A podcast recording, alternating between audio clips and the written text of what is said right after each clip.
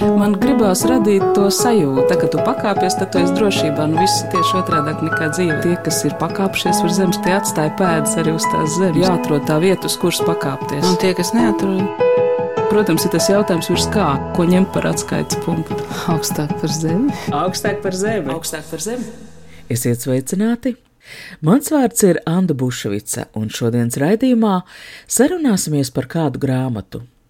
Iemesls, kāpēc Latvijā varētu būt pazīstams tās autora, norvēģu psihiatra un rakstnieka Finna Skorderuda vārds, ir mazliet amizants. Arī Latvijā tika rādīta Tomas Vinterberga filma vēl pa mēriņam, un tās scenārija pamatā ir nedaudz sagrozīts Finas Korderuda izteikums, ka cilvēks it kā jau piedzimst ar puspromilu alkohola asinīs par maz laimīgai dzīvei. Taču šis anekdotē līdzīgais pārpratums liecina arī par ko citu. Vai jūs Latvijā zināt daudz psihoterapeitu, kur teiciens sabiedrībā folklorizējas? Latvijā mūsdienu folklorai vielu dod vecas filmas, mūsu sabiedrībā citējams autoritātes mēdz būt pavāri, Fins Skorderuds godam ir iekarojis cieņu Norvēģijā tikt uzklausītam un citētam. Viņam nenoliedzam piemīt rakstnieka talants, kā arī ļoti vērtīgā spēja izkāpt ārpus savas profesijas robežām un ārkārtīgi aizraujoši sasaistīt literatūras klasiku, kultūras tradīcijas ar modernā cilvēka psihikas traucējumiem. Un tagad mums ir iespēja par to arī pašiem pārliecināties, jo valoda māja latviski izdevusi Finnas Korderuda darbu Nemirs. Par šīs grāmatas izdošanu latviešu ilgus gadus iestājies valodu mājas līdzdibinātājs izcili latviešu runājošais norvēģis Snorre Karkonens Svensons. Tātad par Finnas Korderuda grāmatu nemirs. Es prātoju, ja es strādātu grāmatnīcā, es nesaprastu, kurā plauktā viņu likt. Tieši tā ir, jo autoram ir tāda starpžanru pieeja, ka vai tā ir ceļojuma grāmata, grāmata par literatūru, par psiholoģiju, par medicīnu. Grūti pateikt, un tieši tā ir viena no tām lietām, kas man ļoti patīk tajā grāmatā. Grāmata iznāk uz Dācis Deniņas tulkojumā, un arī viņai es uzdodu šo pašu jautājumu kura no grāmatas daudzajām tēmām iekaroja viņas interesi. Interesanti bija viņa ceļojumi pasaulē, tā viņa pieredze, ko viņš atved mājās un ko viņš iekļauj pēc tam savā darbā. Visi šie Lasvegas un, un tūkstneši un Turcijas pirtis. Visi cilvēki, ko viņš tur savos ceļojumos ir saticis. Grāmata no vienas puses ir Finas Korderuda intensīvās iekšējās dzīves dienas grāmata, taču vismaz pusi no tās teksta veido viņa pacientu slimību vēstures to izklāsti. Uzreiz gan jāsaka, ka autors tās pārstāsta kā dzīves pieredzes, dzīvošanas stratēģijas, konsekventi izvairoties no medicīnas terminoloģijas. Taču šī tomēr ir grāmatas sadaļa, kas nav vairs gluži literatūra vai Dacei Deniņai bija interesanti to lasīt? Abi aspekti bija ļoti interesanti. Nu, kā visiem, kuri kaut vismaz kādu laiku ir gājuši paši psihoterapijā, tiem, tiem noteikti interesanti lasīt tās pieredzes. Ārsts un pacients, un visi viņu dzīves stāsti, un kā kuram ir viņa problēma vai dzīves lielie jautājumi atrisinājušies. Un tajā pašā laikā arī tā teorētiskā puse, kad autors iedziļinās un parāda mums dažādas teorijas, dažādu mūsdienu jēdzienu izcelsmi, to vēsturi. Trešais mūsu sarunbiedrs šodienas raidījumā gan ir psihoterapeits Nils Saks Konstantinovs. Es jau no paša sākuma to lasīju ar tādu atbildīgu uzdevumu, jo eh, es zināju, ka man ir uzticēts uzrakstīt pēcvārdu šai grāmatai. Līdz ar to tās pirmās lapus pagāja tādā, varētu teikt, profesionālā skatījumā, bet es ļoti, ļoti ātri ielasījos. Visu uzdevumu un citas lietas palika otrajā plānā, jo šī bija viena no tām retajām grāmatām, kas tā ļoti ievelk sevi, tā ļoti ierāva. Es grāmatu izlasīju šķiet vienā naktī. Tas bija no tāds ļoti, ļoti vērtīgs piedzīvojums, jo es, protams, ikdienā sastopos ar ļoti daudz visādiem tekstiem, kas ir veltīti šai tēmai psihiskai veselībai, dažādiem traucējumiem. Es neatminos nevienu, kas pēdējā laikā būtu spējusi tik ļoti uzrunāt, ieraut. Un droši vien tas iemesls ir, kā jūs minējāt, tajā ir ļoti, ļoti daudz slāņu. Prieks, ka latviešu grāmata iznākusi arī vizuāli ārkārtīgi skaista. Dizainu veidojusi Ilza Kalnbērziņa prā, izmantot Ernesta Kļaviņa ilustrācijas, it kā noslīdējušie lapušu numuri, votu, reiz izvesļošanās gadījumā pie svētbildēm likto kāju un roku atveidi, kā arī karikatūrām līdzīgi apspēlētās mūsdienu cilvēku dzīves nepieciešamības, noskaņo uz atvērtu prātu uz radošumu arī teksta baudīšanā. Protams, vēlmi izdot grāmatu tādu, kādu pašiem to gribas ieraudzīt, paildzinājusi latviskā varianta tapšanu. Es zinu, ka jums pieder tā ideja, ka jūs vēlēties, lai šī grāmata būtu lasāma ar latviešu. Jā, un tas bija jau sen, jo es to grāmatu izlasīju, kad tā bija pavisam jauna. Tas bija pirms 20 eh, gadiem. Es to izlasīju un domāju, jā, šo grāmatu vajadzētu arī latviešu. Es vēlāk strādāju Latvijas Kultūras Akadēmijas eh, Nordistikas centrā. Toreiz bija tāds centrs, un mēs rīkojām Ziemeļvalstu literatūras tulkošanas konkursu. Un tieši norvēģu valodai, norvēģu literatūrai mēs izvēlējāmies šīs grāmatas fragment, arī ar to cerību, ka ar to varētu sākt veidoties tā interese par šīs grāmatas iznākšanu latviešu valodā nevienmēr uh, iznāk kaut kas no cerēšanas. Vienreizēm vajag arī kaut ko darīt. Un tā pirms pieciem gadiem uzsākam šo projektu.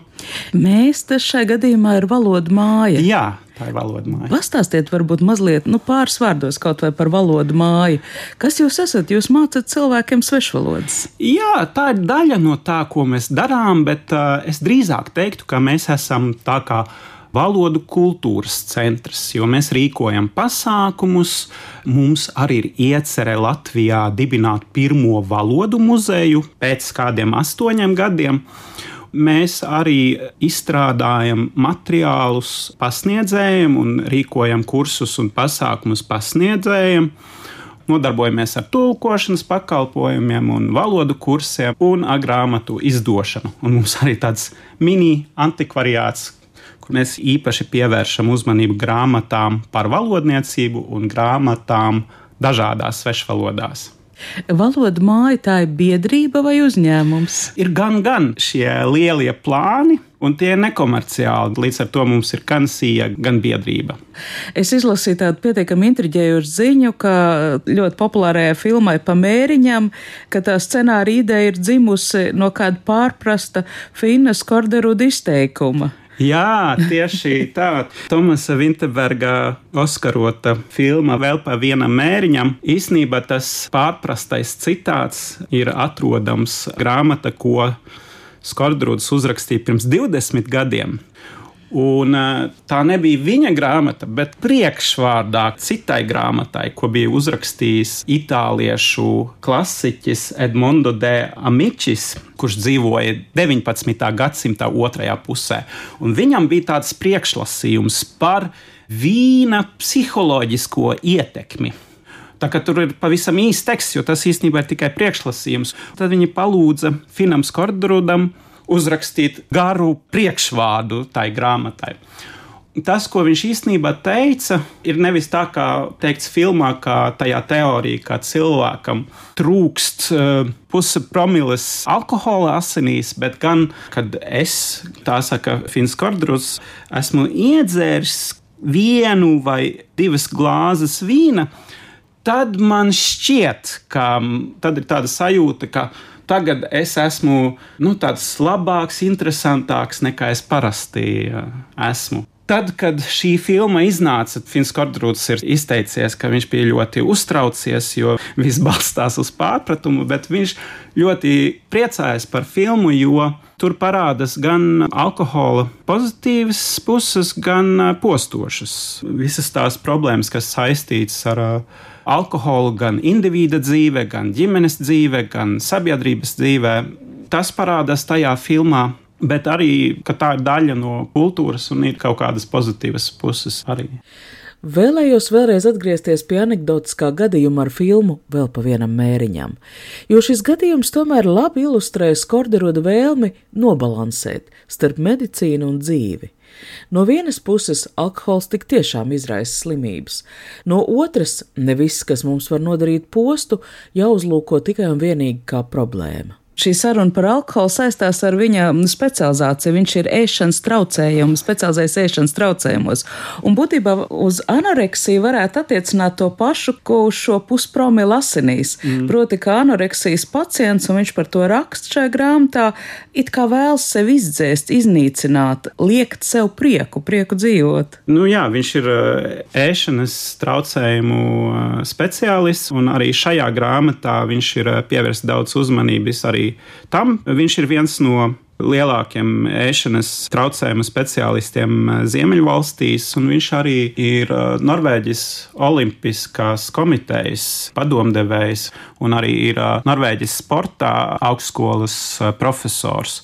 Jo tieši sportā, kur ir tik daudz uzmanības ķermenim, tik daudz uzmanības barībai, ko tu ēd, un tik daudz uzmanības panākumiem, tad arī tur tieši sportisti ir no tām grupām sabiedrībā, kam ir visvairāk ēšanas traucējumu. Jā, un viņš ir eh, arī dibinājis tādu ēšanas traucējumu institūtu, kuru sauc Villa Sult vai Bada Villa, jo tā atrodas tiešām uh, Oslo tādā skaistā villā.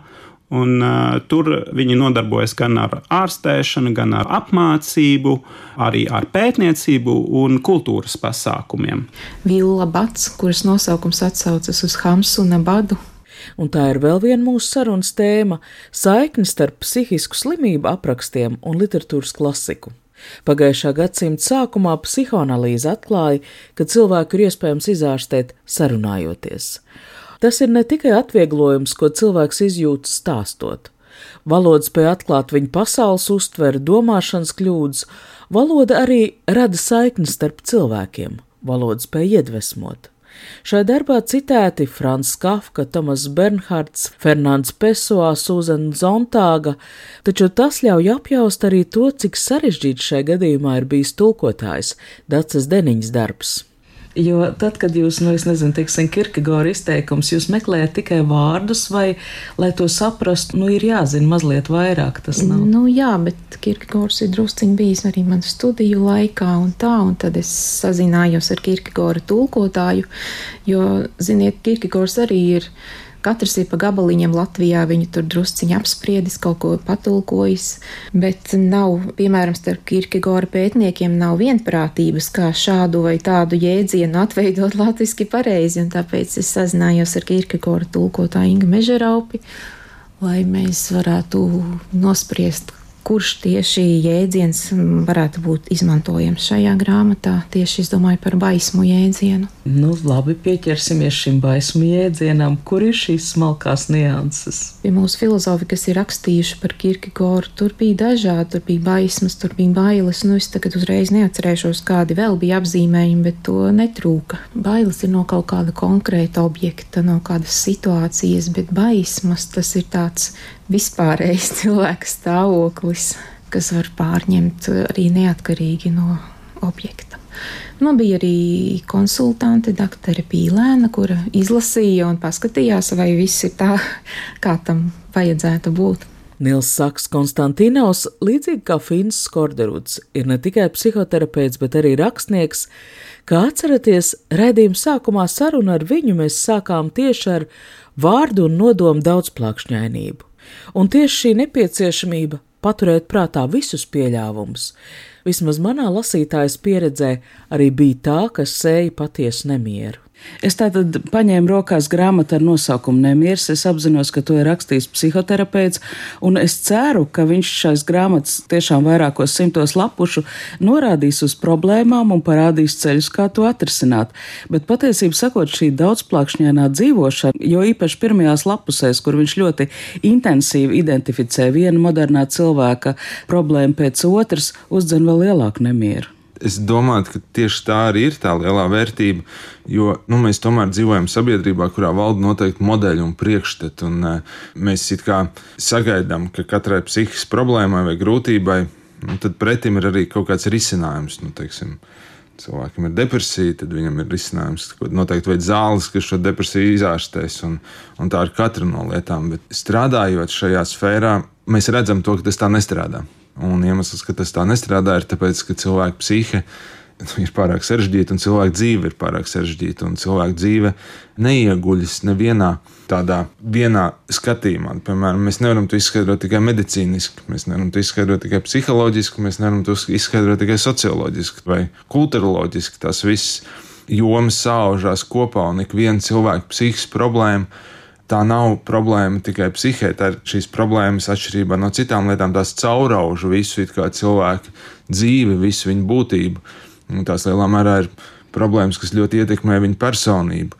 Līdz ar to tur nav īstenībā tāda risinājuma. Mēs arī starp citu redzam, ka tie risinājumi, ko sabiedrība šobrīd piedāvā, jau ir ārkārtīgi neefektīvi. Viņi patiesībā nav nekāda risinājuma. Lai arī sabiedrībā aizvien vairāk mēs runājam par mentālo veselību, par visādām problēmām, ārkārtīgi pieaug, piemēram, medikamentu skaits, ko cilvēki lieto jau no agras bērnības, ārkārtīgi pieaug psiholoģiskās palīdzības, dažādas iespējas, bet ārkārtīgi pieaug arī visas problēmas. Problēmas skaits tikai turpina pieaugt. Neskatoties ne uz ko no tā, ko mēs darām. Līdz ar to, protams, ka droši vien tā mūsu sabiedrības pašreizējā atbilde nav īpaši efektīva. Un šķiet, šī grāmata ir lielā mērā par to. Tā palīdz saprast, kāpēc šīs vienkāršotās, parastās tādas reizēm vulgārās atbildes uz cilvēku psihiskas problēmām, kāpēc viņas nav īsti palīdzošas. Interesanti ir tas, ko Fins Korderuds piedāvā kā stratēģiju. Neuzlūkot to kā problēmu, bet uh, analizēt atsevišķu cilvēka pieredzi. Šī cilvēka tam dzīves stāstam viņā pašā ir iekšēja loģika. Jā? Un analizēt šo pieredzi, būtībā gūt šo pieredzi no cilvēkiem, kurus mēs esam tendēti uzskatīt par slimiem. Jā, absolūti. Tas, starp citu, ir ļoti interesanti, jo grāmata ir tapusi pirms kāda laika, bet patiesībā viņa ir ārkārtīgi moderna. Šī lieta, ko jūs minējāt, skatīt šos traucējumus psihiski, nevis kā traucējumus vai slimības, bet eh, kā pieredzi. Tas, starp citu, ir nu pat vēl šogad publicētā Britu psihologa asociācijas manifestā. Konkrēti runāja par depresiju, un viņi piedāvā tieši tā uzlūkot šīs grūtības kā cilvēcisko pieredzi. Tas ļauj mums gan to labāk saprast, gan arī ar to kaut ko darīt. Jo, ja tā ir vienkārši slimība, tad nu, mēs pret to atduramies kā pret tādu nepārvaramu lielumu. Ja tā ir pieredze, tad mēs varam nu, no tās iegūt kaut kādu, lai arī ļoti sāpīgu, lai arī reizēm ciešanu pilnu, bet kaut ko, ar ko mēs no tā varam iziet un ko mēs ar to varam darīt. Protams, šeit vienmēr ir tādas divas lietas, tāpēc, ka ir daļa cilvēku, kuriem šīs pieredzes nu, sagādā milzīgas ciešanas, kur ciešanas tiešām ir tik lielas, ka tās padara viņus funkcionēt nespējīgus, dzīvot nespējīgus. Un reizēm to varbūt tiešām labāk ir uzlūkot kā slimību bet eh, tas attiecas uz ļoti, ļoti mazu daļu no visiem, jo pārsvarā, mēs te pat rēķinām, ka droši vien viena trešdaļa, nozīmē, viens no trim cilvēkiem saskars dzīves laikā ar kādu psihiskās veselības traucējumu. Pēc pandēmijas kontekstā runājam, ka droši vien tie būs vēl vairāk. Daži runā, ka varbūt pat 80% no, no visu cilvēku mēs varētu kaut ko konstatēt, un mēs varam saskatīt, vai katrā gadījumā meklēt šo iekšējo loģiku. Jo tā nu gan ir mūsu pārliecība, ka visam, kas notiek ar cilvēku, tajā ir sava iekšējā loģika. Tā vienkārši nav no malas tik ātri saskatām, un bieži vien tā nav zināma arī pašam cilvēkam. Par to arī ir viss psihoterapeitiskais stāsts.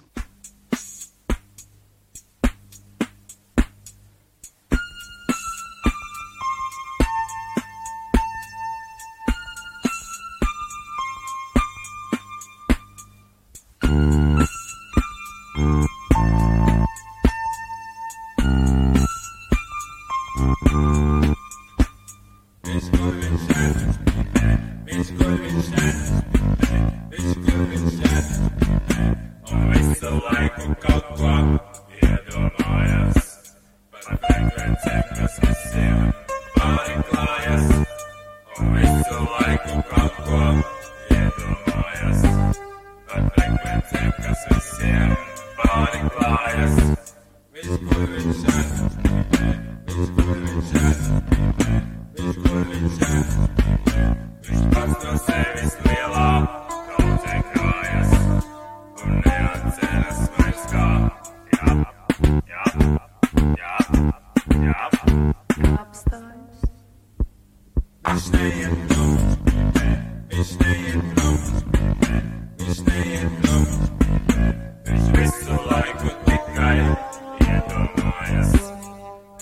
Vajadzētu beigt un jāiet mājās. Viņš visu laiku tikai iedomājas, ka vajadzētu beigt un jāiet mājās.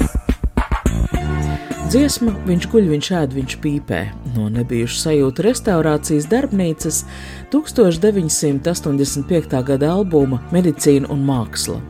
Ir veltījums vienam no grupas dibinātājiem Hardijam Lediņam. Ja reiz Finas Korderoda grāmatā Nemieris analizēta cilvēku dzīves stratēģija kā pieredze, lai ar šo mūziku raidījumā ietiecas vēl viena ļoti konkrēta pieredze Hārdijs Lediņš prata gulēt, ēst un pīpēt kā neviens. Jā, un arī domāt par frekvencēm, kas visam pāri klājas.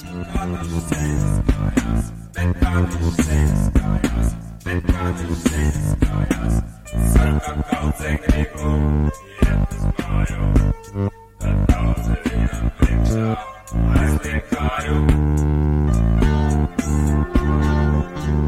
Jau tūkotāja Dārsa Deniņa ieminējās, ka šī grāmata nemieris interesanta būs lasītājam, kas pieredz domāt par sevi, ieklausīties, salīdzināt savu pieredzi.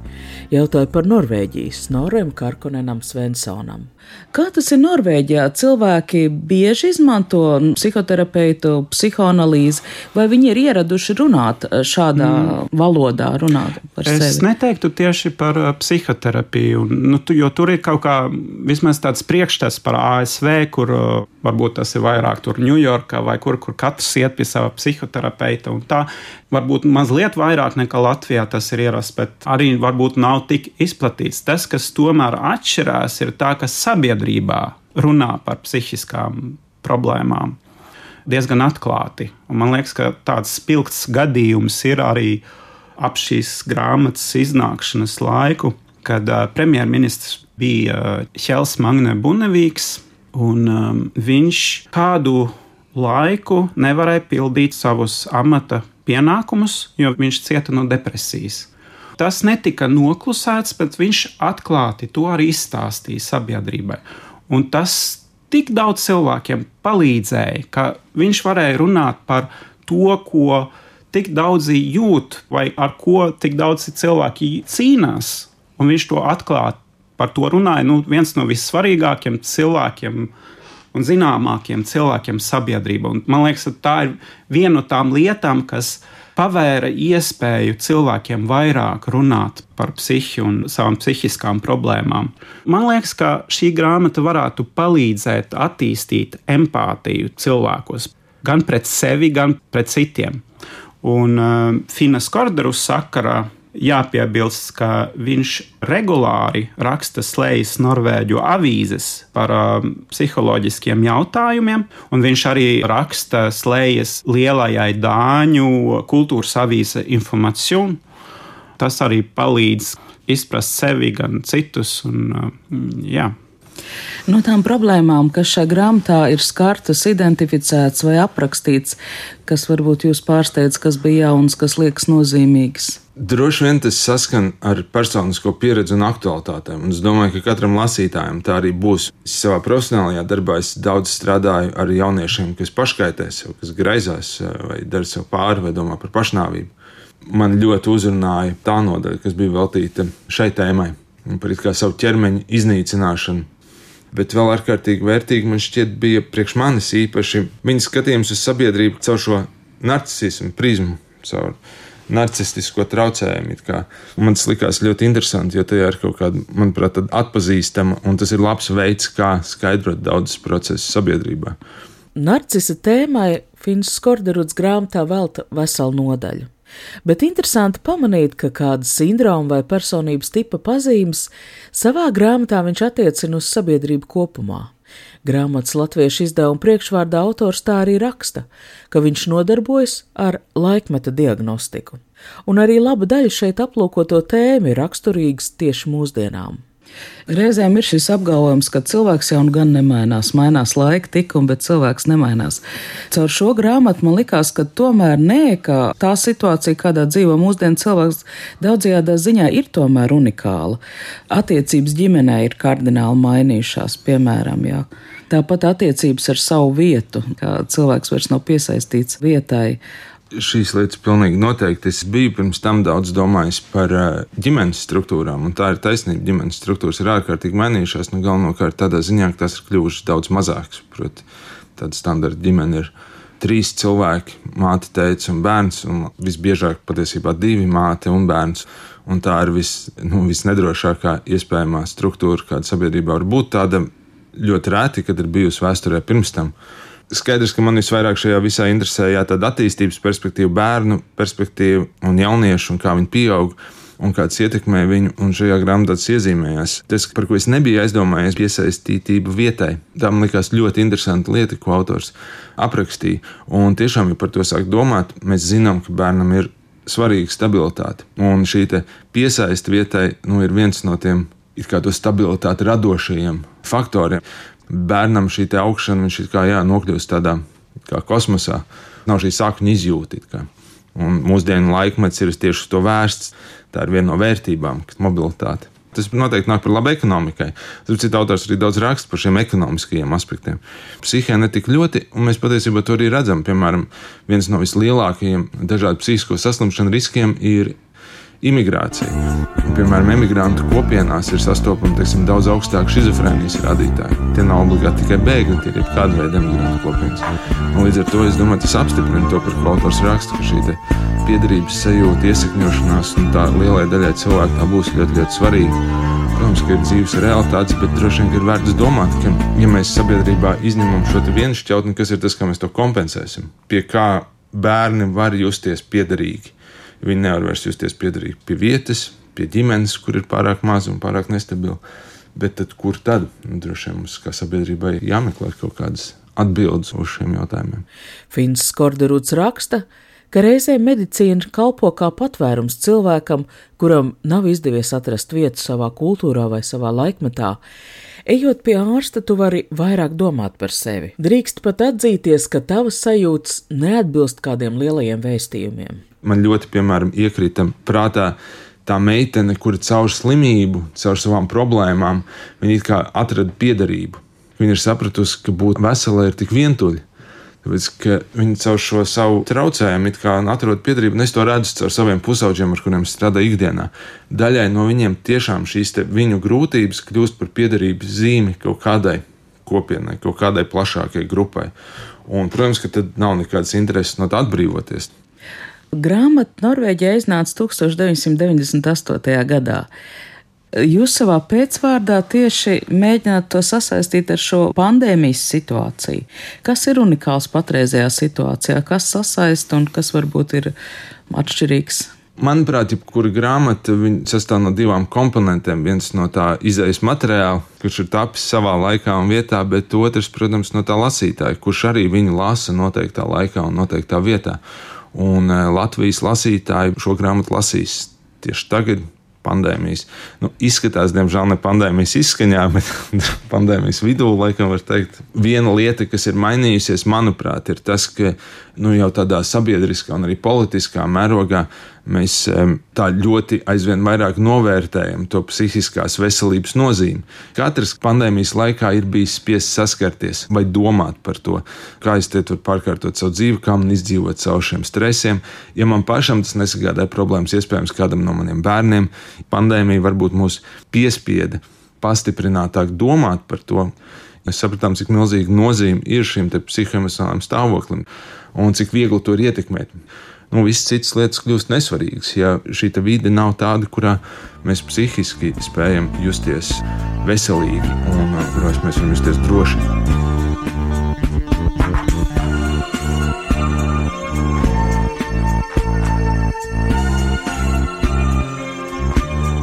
Par latviešu iznākušo norvēģu psihoterapeitu un publicista Fina Skorderuda darbu Nemieris Sarunājos ar grāmatas tūkotāju Dacu Deniņu, grāmatas izdošanas idejas autoru Snori Karkonenu Svensonu, psihoterapeitu un grāmatas pēcvārdu autoru Nilu Saksu Konstantīnovu. Šo raidījumu veidoja Anna Bušvica, par skaņu gādāja Valdis Raitums.